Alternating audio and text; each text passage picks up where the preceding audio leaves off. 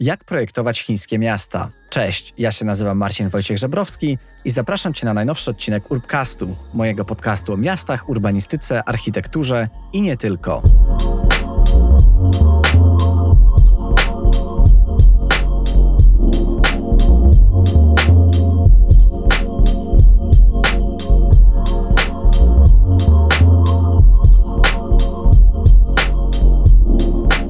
Witaj w najnowszym odcinku Urbcastu. Powoli zbliżamy się do okrągłej setki, jak i do drugich urodzin e, podcastu, co bardzo, bardzo mnie cieszy. Cieszę się, że w moim podcaście mogę rozmawiać na szereg różnych tematów związanych właśnie z miastami, z projektowaniem urbanistycznym, z planowaniem miejskim czy z architekturą. No i dzisiaj będzie taki bardzo ciekawy temat, którym jest to właśnie jak się projektuje w Chinach.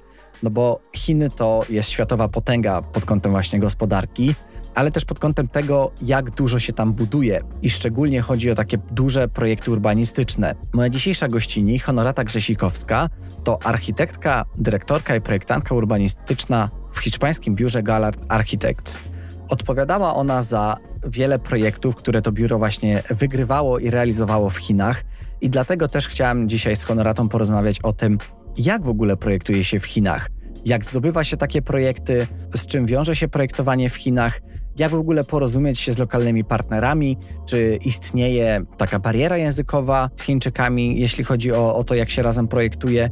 No i też jak do tego doszło właśnie, że w Chinach buduje się tak dużo, że jest to proces szybszy, jest to proces może też bardziej wydajny, no i że nawet takie projekty duże, tak w dużej skali urbanistycznej są tam realizowane na przestrzeni naprawdę kilku, kilkunastu lat, no co jest niespotykane na skalę światową i bardzo ciężko jest znaleźć podobne przykłady, gdzie projekty o tak dużej skali byłyby realizowane w tak dużym tempie.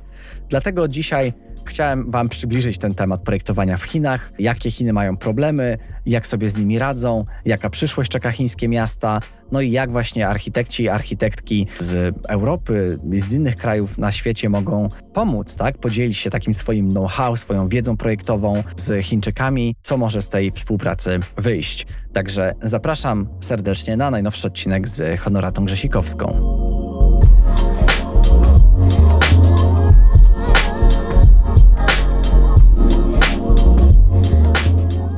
Honorata, witaj w Wurpkaście. Dzień dobry. Bardzo miło mi Ciebie tutaj gościć. Cieszę się, że zgodziłaś się uchylić trochę rąbka, no właśnie, może nie tajemnicy, ale przynajmniej tego właśnie, czym się zajmujesz.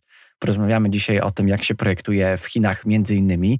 Powiedz w ogóle, jak się ta Twoja przygoda z, z Chinami zaczęła, no i też z Twoim e, obecnym biurem projektowym. Jestem architektką, projektantą urbanistyczną, urban designer i jestem dyrektorem w Guayard Architects i jestem właśnie odpowiedzialna za wszystkie projekty, które mamy w Chinach. Są to przeważnie projekty urbanistyczne, chociaż też architektoniczne, ale raczej większość z tych projektów, które mamy, jestem tam od prawie pięciu lat i zrobiliśmy już około na pewno powyżej 20 e, projektów w Chinach, w Azji i większość z nich jest o skali urbanistycznej. Po prostu pewnego dnia wylądowałam w Barcelonie, wcześniej mieszkałam w Holandii i udało mi się dostać pracę u Vicente Guayard. Jest założycielem Guayard Architects. To jest były architekt Barcelony, któremu razem z nim tak naprawdę udało nam się dostać pierwszy konkurs w Chinach właśnie około 5 lat temu i od tego się zaczęło i po prostu teraz jeden za drugim mhm. robimy. Jak to się właśnie w ogóle stało, że zaczęliście pracować w Chinach? Jak w ogóle właśnie wygląda taki proces, żeby taki konkurs tam dostać? No bo też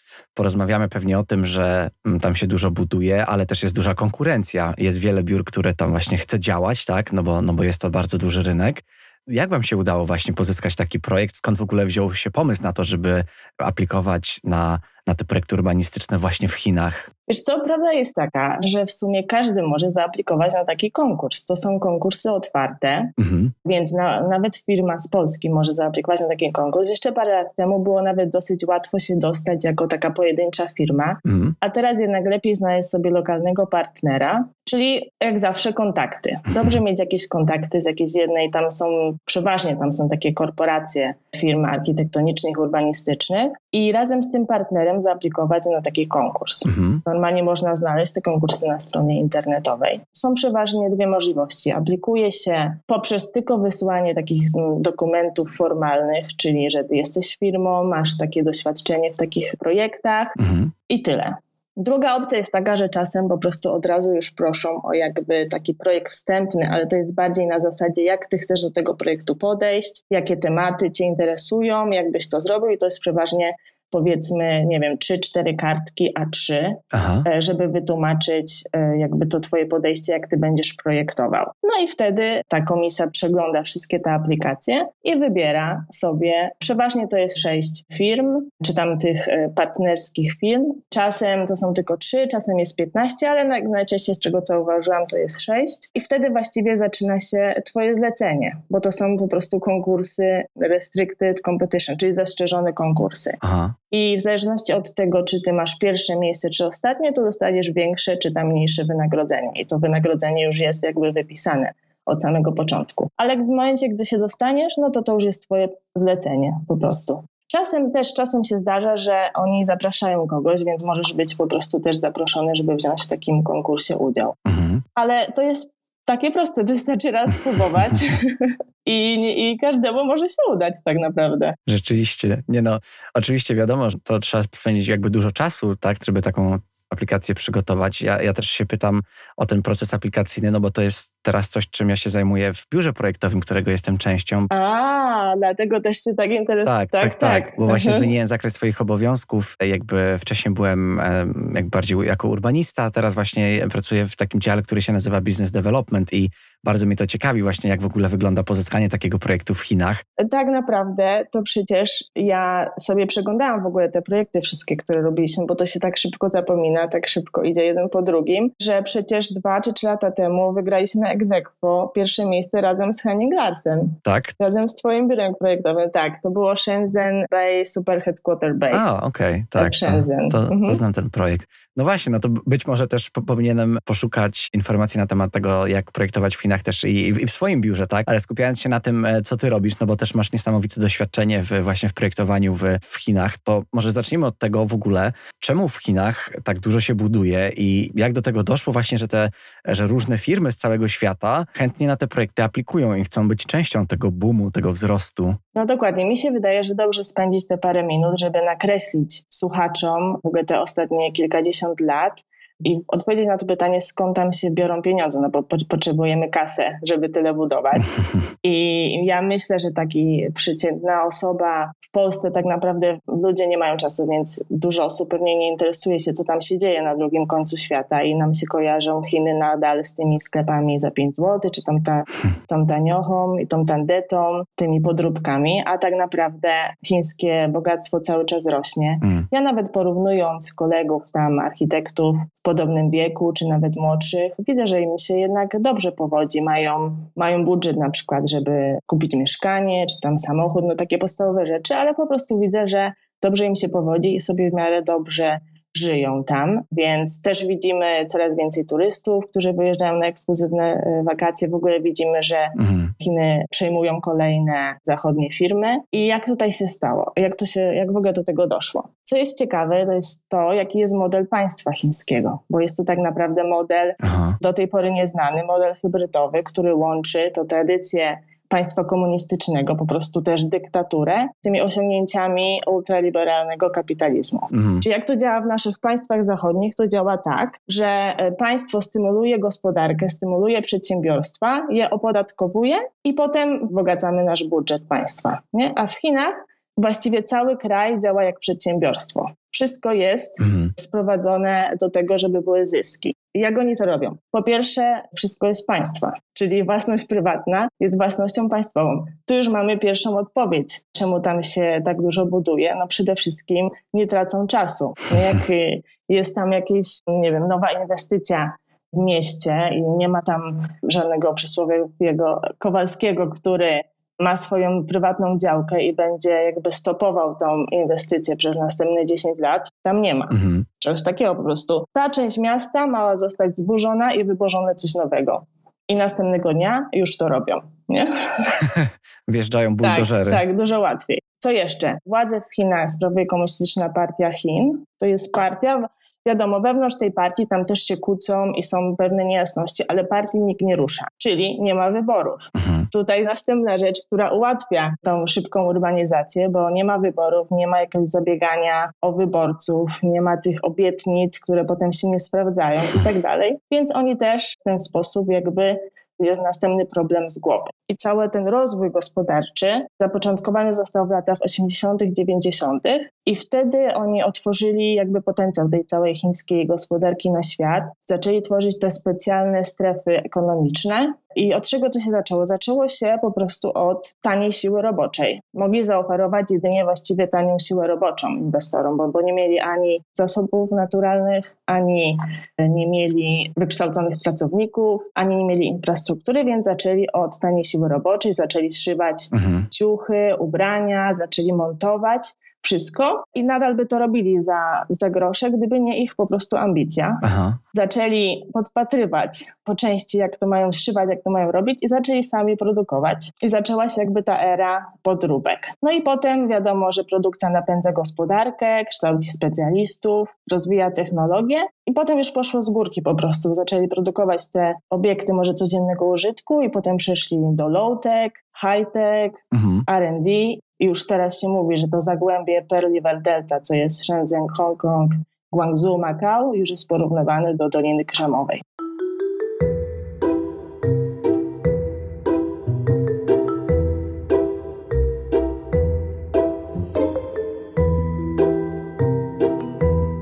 Tutaj myślę, że ta inspiracja czasem e, miała bardzo zaawansowany wymiar, że tak to ujmę, czyli chodzi mi o to, że Chiny się nie tyle co inspirowały, ale też kopiowały, czy nawet kradły tak niektóre patenty, czy niektóre rzeczy, to wiem, że to jest też taki wątek, o którym chciałaś wspomnieć, więc jak to się w ogóle stało, że, że pewne rozwiązania są kopiowane, a jednak nikt nie jest pociągnięty do odpowiedzialności za to? No, niektórzy są, niektórzy są, bo nawet mam taki przykład tutaj naszej zaprzyjaźnionej firmy w Barcelonie, którzy produkują ławki, produkują lampy uliczne i tak dalej. I właśnie jednym z takich szybkich sposobów kopiowania przez Chińczyków to było tak, my jesteśmy zainteresowani tymi lampami, proszę wyślijcie nam jeden prototyp, żebyśmy zobaczyli, czy to pasuje nam na tę ulicę, gdzie chcemy postawić.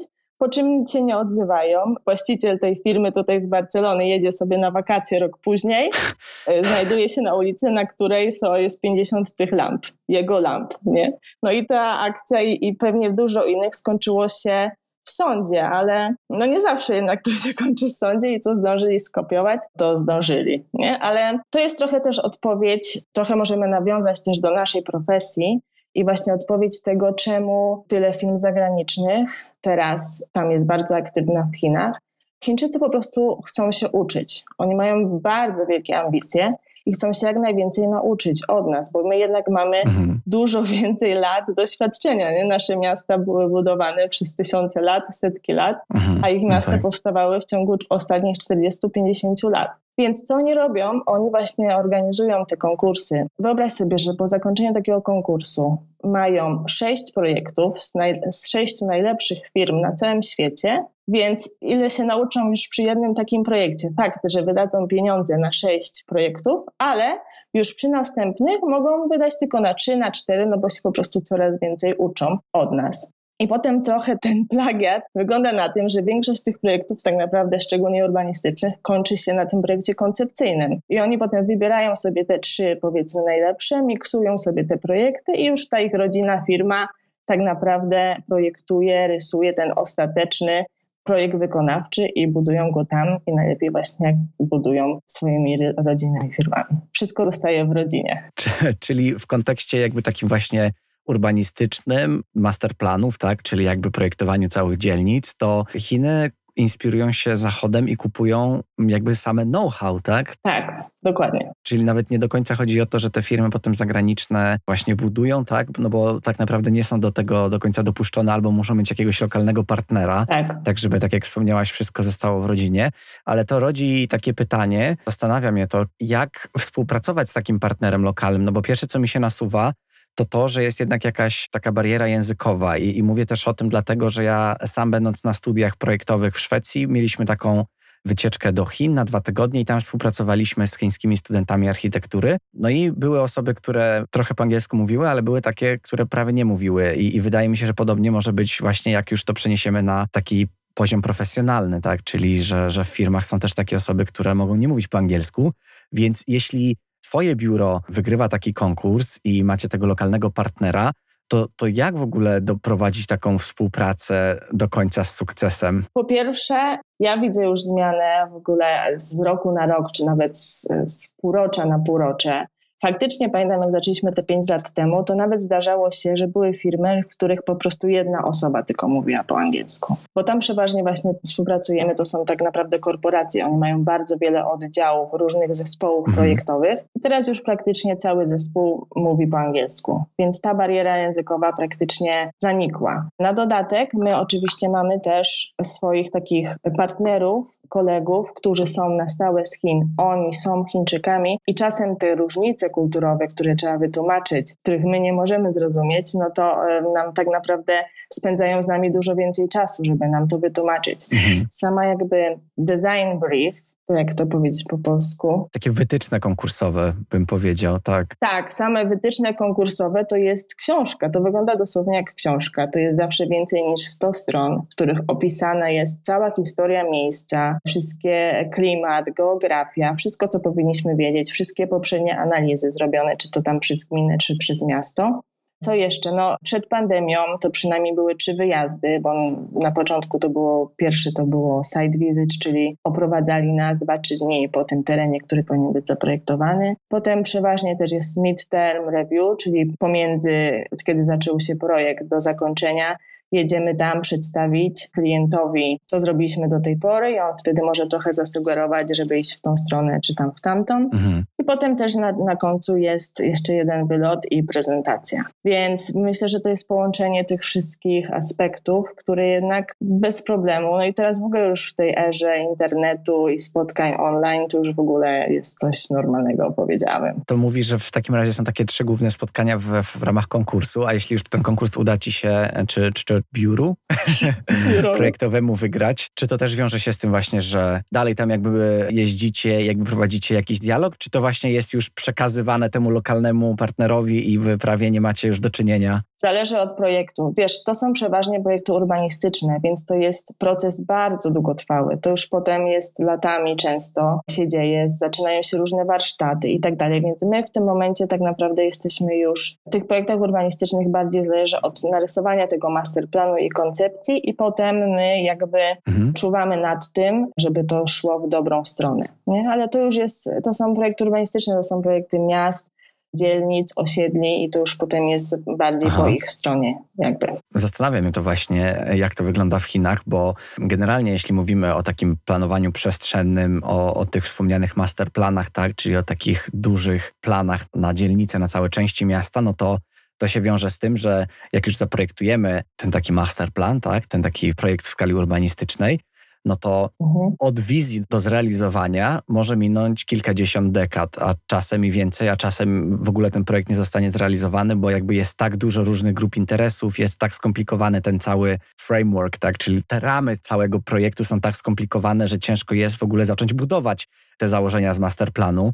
A jak to wygląda w Chinach? Czy właśnie z racji tego, że tak jak wspomniałaś już, czyli cała jakby, jakby ziemia jest posiadana przez państwo i są to tylko i wyłącznie jakby ci lokalni operatorzy, którzy koniec końców budują, czy w Chinach jest tak właśnie, że, że te masterplany, te duże projekty są realizowane szybciej? Tak, dużo szybciej, bo ponieważ oni nie mają czasu. Jest taka migracja ludności z wiosek do miast. No 50 lat temu Chiny były krajem wiosek praktycznie, a teraz jest już tam ponad 150 miast z ludnością ponad jednego miliona. Więc przez to, że ta gospodarka jakby tak dobrze im szła, ta migracja jest ogromna i oni po prostu nie mają czasu. Też jest ogromny kryzys mieszkaniowy. Poza tym Chiny w ogóle zrezygnowały z budowania mieszkań socjalnych, z tego co ja wiem, nie wiem czy to się zmieniło teraz, więc e, ludność po prostu osiedla się właśnie w tych blokowiskach, nie? tych znanych zdjęciach, wszyscy znają te zdjęcia tych blokowisk, Aha. szarych blokowisk, ogromnie wysokich, z tymi małymi okienkami. One naprawdę tam są i to jest skutkiem tego, że wszystko jest postawione na zysk i nie ma właściwie za, za dużo reguł. Nie? I oni też całkowicie zapomnieli tak naprawdę o jakiejś perspektywie ekologicznej przez tyle lat. Zapomnieli całkowicie o naturze. Ja, nawet nam się zdarzyło, że patrzę na ten teren, na którym mamy coś zaprojektować i, i to jest cały teren w ogóle w takich pagórkach, taki wzgórzysty i dzwonię do, do Yanglei, który jest naszym właśnie partnerem i mówię do niego, ale jak mamy coś tutaj zbudować? To w ogóle się nic nie da zbudować. Są... A on mówi, nie, to jest zdjęcie sprzed miesiąca, już buldożery przyjechały i wszystko już jest płasko, można budować.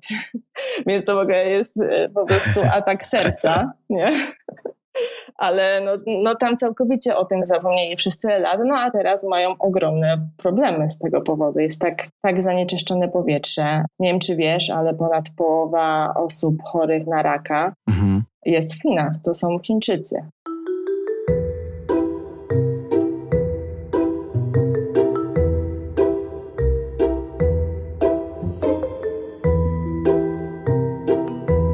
wydaje mi się, że to się też powoli zmienia. Jeszcze raz właśnie też studiując w takim kontekście chińskim na uczelni, pamiętam, że no, przygotowywaliśmy się, czytaliśmy o historii Chin, o tym właśnie, co mówisz, o tej wielkiej migracji, o tym, że wszyscy chcieli iść do miasta, tak, czyli taka naprawdę urbanizacja do potęgi i ten przeogromny napływ e, mieszkańców.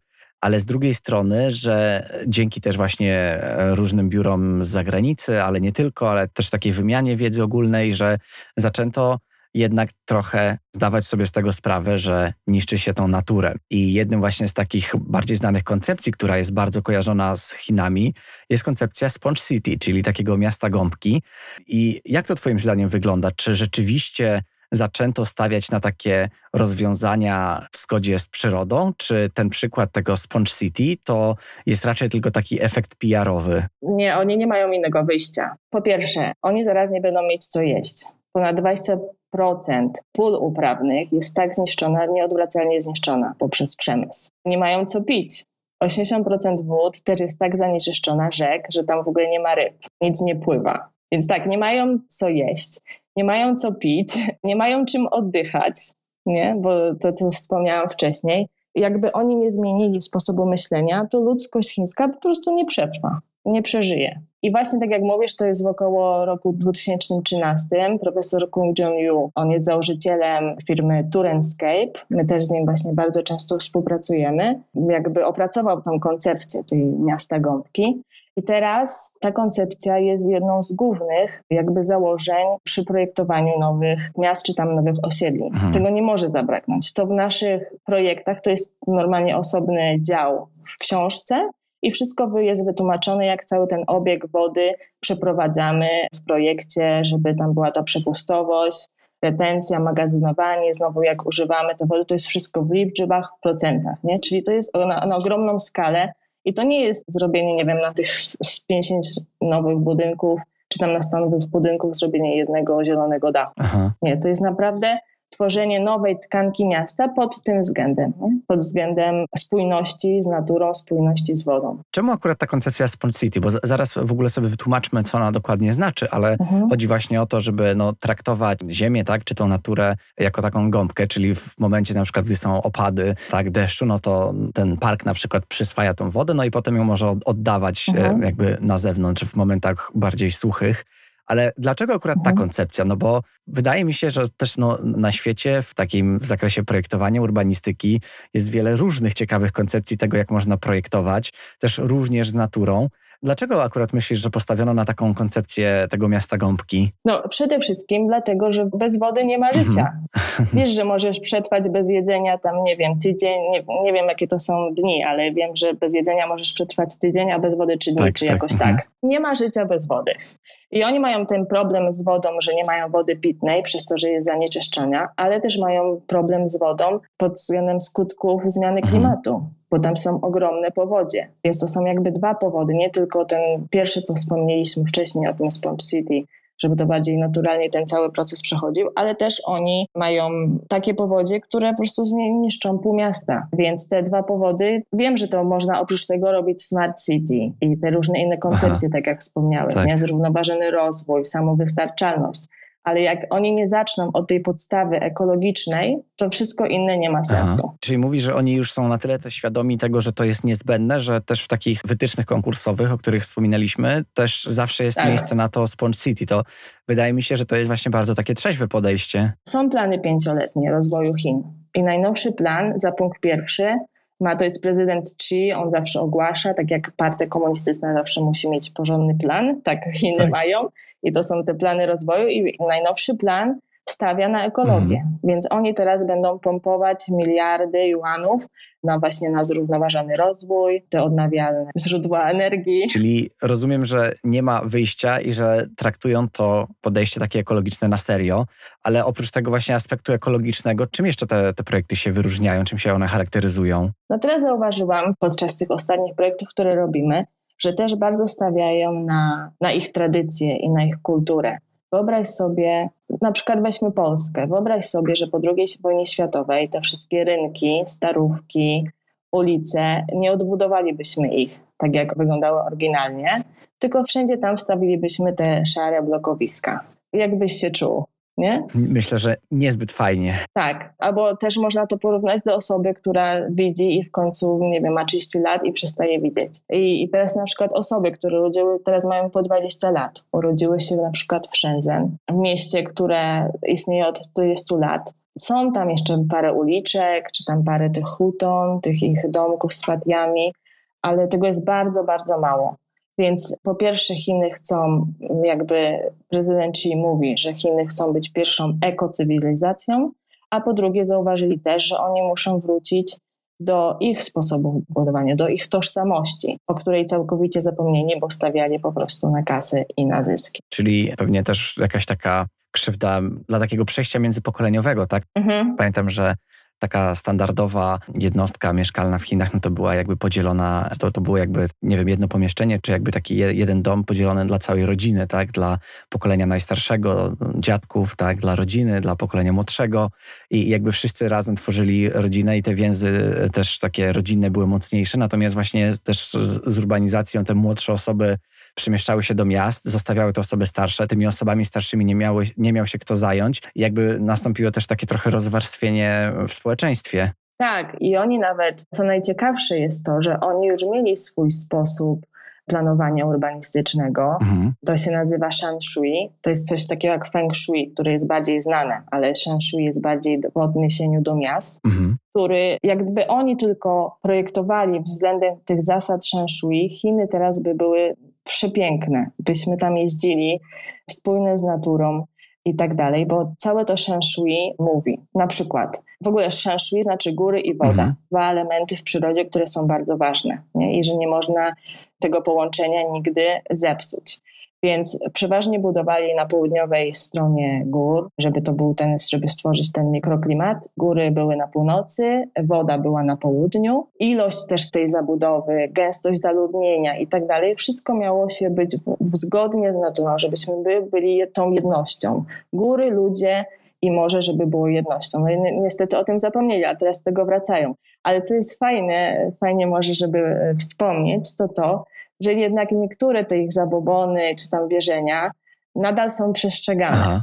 Na przykład, bo to są śmieszne rzeczy, które właśnie powodują, że my na tych spotkaniach często się śmiejemy i oni nawet się śmieją. Na przykład, no to jak już jesteśmy w tej relacji góry-morze, na przykład też często widać na zdjęciach z Chin, właśnie też z Hongkongu, jak są zbudowane te takie duże budynki, takie wielkie fasady, jak trochę wyglądają jak ściana i one często mają taką dziurę w środku. Aha. I to jest właśnie dziura dla smoków, które muszą zejść z góry do wody i trzeba im jakby zrobić miejsce, żeby oni mogli sobie spokojnie zejść z gór do wody, napić się tej wody i iść z powrotem. Nie?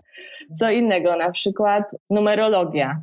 Cztery cyfra 4, no to w ogóle jak się wysławia cyfrę 4 po chińsku, to brzmi jak śmierć. Więc 4, 44, 14, nie można w ogóle tego używać. Nawet jak niektóre wieżowce budują, to w ogóle nie ma piętra 4, tylko 1, 1 2, 3 pięć.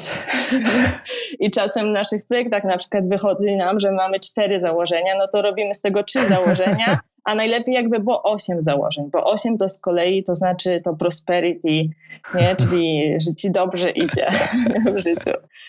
Co jeszcze? Na przykład kolory. Biały kolor to też znaczy śmierć, więc tam raczej niemożliwe, że znaleźć budynków o białej fasadzie albo czarnej. I też na przykład ostatnio, bo oddając te projekty, tak naprawdę trzeba oddać wiele rzeczy. Trzeba oddać książkę, ona zawsze ma przynajmniej 150 stron, dłuższą wersję, krótszą wersję, trzeba oddać panele, trzeba oddać wideo na temat Twojego projektu, które ma tam od 6 minut czasem do 15 minut, ale też trzeba oddać makiety. Te makiety są w skali 1 do 1000, 1 do 500. Ostatnimi laty zawsze próbujemy wykorzystać te przestrzenie dachów na produkcję żywności, wiesz, to LED farming czy tam vertical farming. I ja dzwonię i mówię, że powinniśmy zrobić te glass houses na zielono, żeby to było widać, że to są, że to chodzi o, o rośliny i do mnie zaraz odzwania właśnie kolega z kim nie możemy, nie możemy w ogóle tego zrobić zielonego, to jest w ogóle niemożliwe. A wie, co się stało?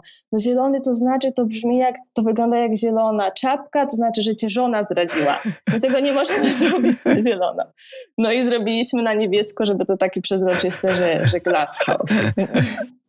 No i co chwilę takie jak trochę zabobony zdarzają, ale to zawsze nam przyprawia dużo śmiechu i dużo radości.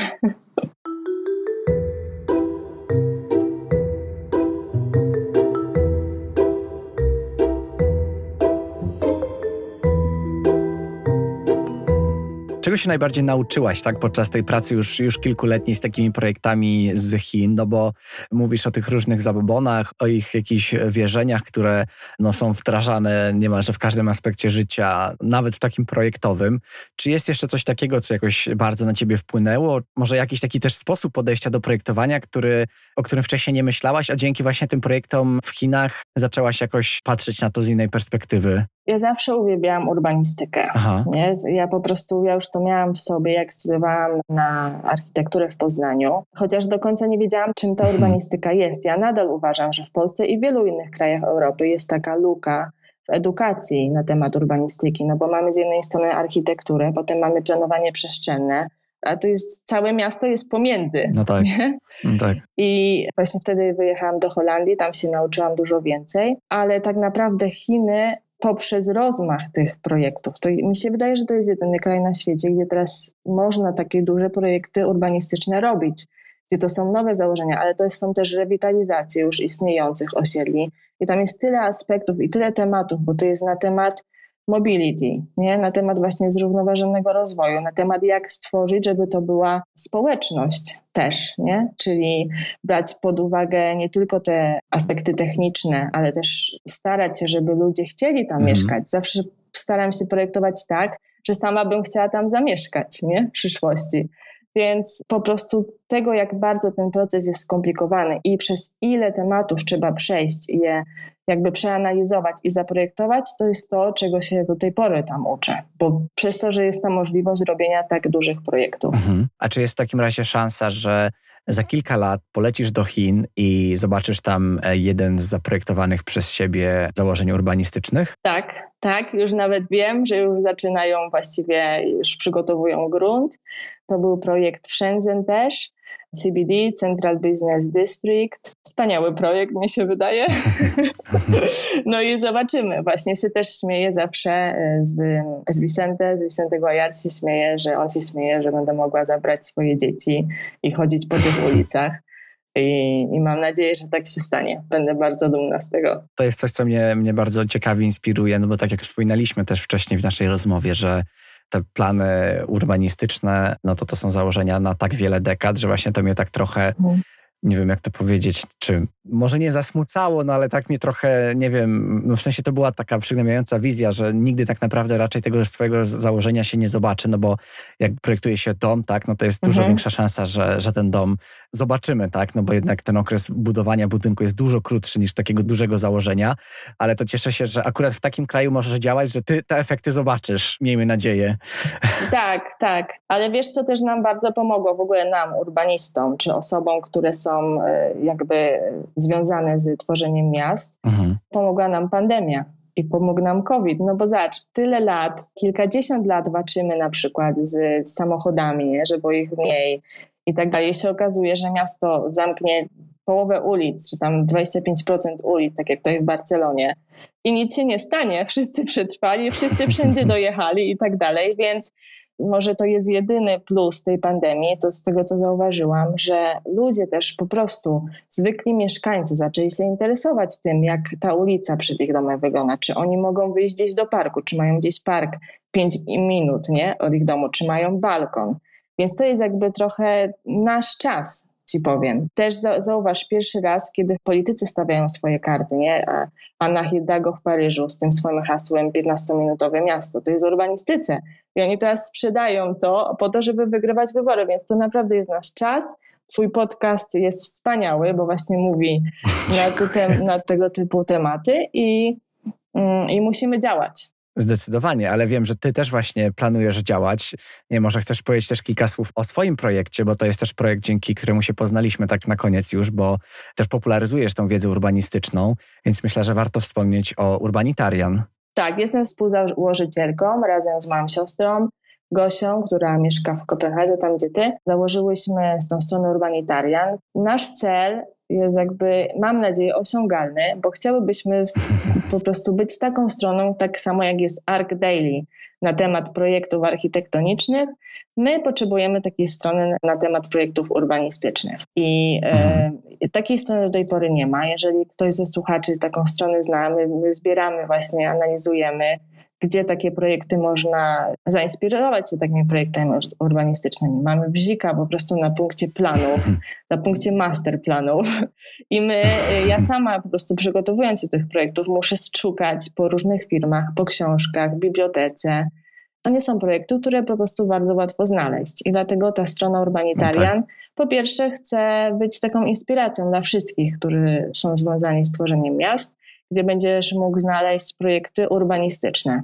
Też zaczynamy właśnie mhm. dział projektów urbanistycznych w Chinach, bo, ponieważ tam jest ich tak dużo i one właśnie są tak kompleksowe, z których można się tak dużo nauczyć, więc też będziemy tam wrzucać właśnie masterplany z Chin. Oprócz tego jeszcze jakby mogła dodać, mhm. Jestem nową członkinią architektoniczek. To są dwie super kobiety, Ewelina i Jasia. I właśnie analizujemy plany dla miast, dla, dla prywatnych inwestorów pod względem przestrzeni równoprawnej. Więc my właśnie chcemy ten, sam ten wyraz, ten, samo to wyrażenie przestrzeń równoprawna wprowadzić do słownika polskiego słownictwa architektonicznego czy urbanistycznego. Mhm. I to też jest dla nas bardzo ważne, bo chcemy, żeby po prostu każdy czuł się dobrze nie tylko w swoim mieszkaniu, ale i w swoim bloku mieszkalnym, i w swojej dzielnicy, i w swoim mieście. Mhm. Doskonale. Jeśli jesteśmy tutaj właśnie w tej części edukacyjnej na koniec, to ja chciałem Cię jeszcze zapytać o jedno polecenie. Po tym, jak już e, porozmawialiśmy też o Twoich projektach, do których też właśnie bardzo gorąco zachęcam słuchające nas osoby, żeby sobie zerknęły i mam nadzieję, że też może jakoś e, dołożyły swoją cegiełkę do tego bardzo, bardzo ciekawego pomysłu. No ale właśnie, na koniec jeszcze chciałem Cię zapytać o polecenie książki. Czy miałabyś może jakąś e, ciekawą pozycję do polecenia? Ja polecam książkę o tytule The Urban Code of China. Mhm. To jest wydawnictwa Birkhausen i to jest książka taka, której ja uwielbiam, bo ja uwielbiam książki, które mają tekst, ale też która ma rysunki i zdjęcia. Więc jest tam fajnie zobrazowane, jak po prostu czytać miasto w mhm. Chinach mhm. i też jak znajdywać w tym mieście właśnie te aspekty z ich kultury i z ich historii. Wszystko właśnie fajnie wytłumaczone i tekstem, i poszczególnymi działami, i też rysunkami, diagramami i zdjęciami. Honorata, bardzo Ci dziękuję za to ciekawe polecenie, no i za przedstawienie tej Twojej perspektywy, tego Twojego doświadczenia na projekty w Chinach, no bo myślę, że jest to bardzo inspirujące. Także mam nadzieję, że jak już Twoje projekty właśnie będą realizowane, to nam też będzie dane je zobaczyć na żywo. Dziękuję najmocniej i życzę Ci wszystkiego najlepszego w podcaście. Ja przesłuchałam wszystkie odcinki i polecam wow. wszystkim innym zrobienie to samo, bo każdemu się przyda trochę wiedzy na temat urbanistyki. Zdecydowanie. Dołączam się do, do tego sformułowania. Dziękuję bardzo. Dzięki, dzięki bardzo.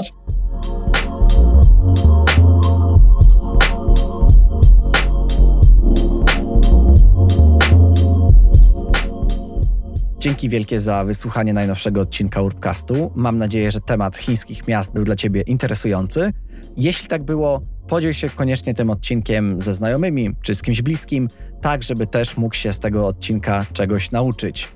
Jeśli chciałbyś wesprzeć, chciałabyś wesprzeć ten podcast, to zapraszam Cię serdecznie na Patronite, czyli na taki portal, na którym możesz wesprzeć Urbcast dowolnie wybraną przez siebie kwotą, a ja dalej będę mógł niezależnie tworzyć tą swoją urbanistyczną rozgłośnię. Możesz też zaobserwować ten podcast na LinkedIn, na, na Instagramie czy na Facebooku, a także dołączyć do cotygodniowego newslettera na stronie urbcast.pl. Dzięki wielkie i do usłyszenia.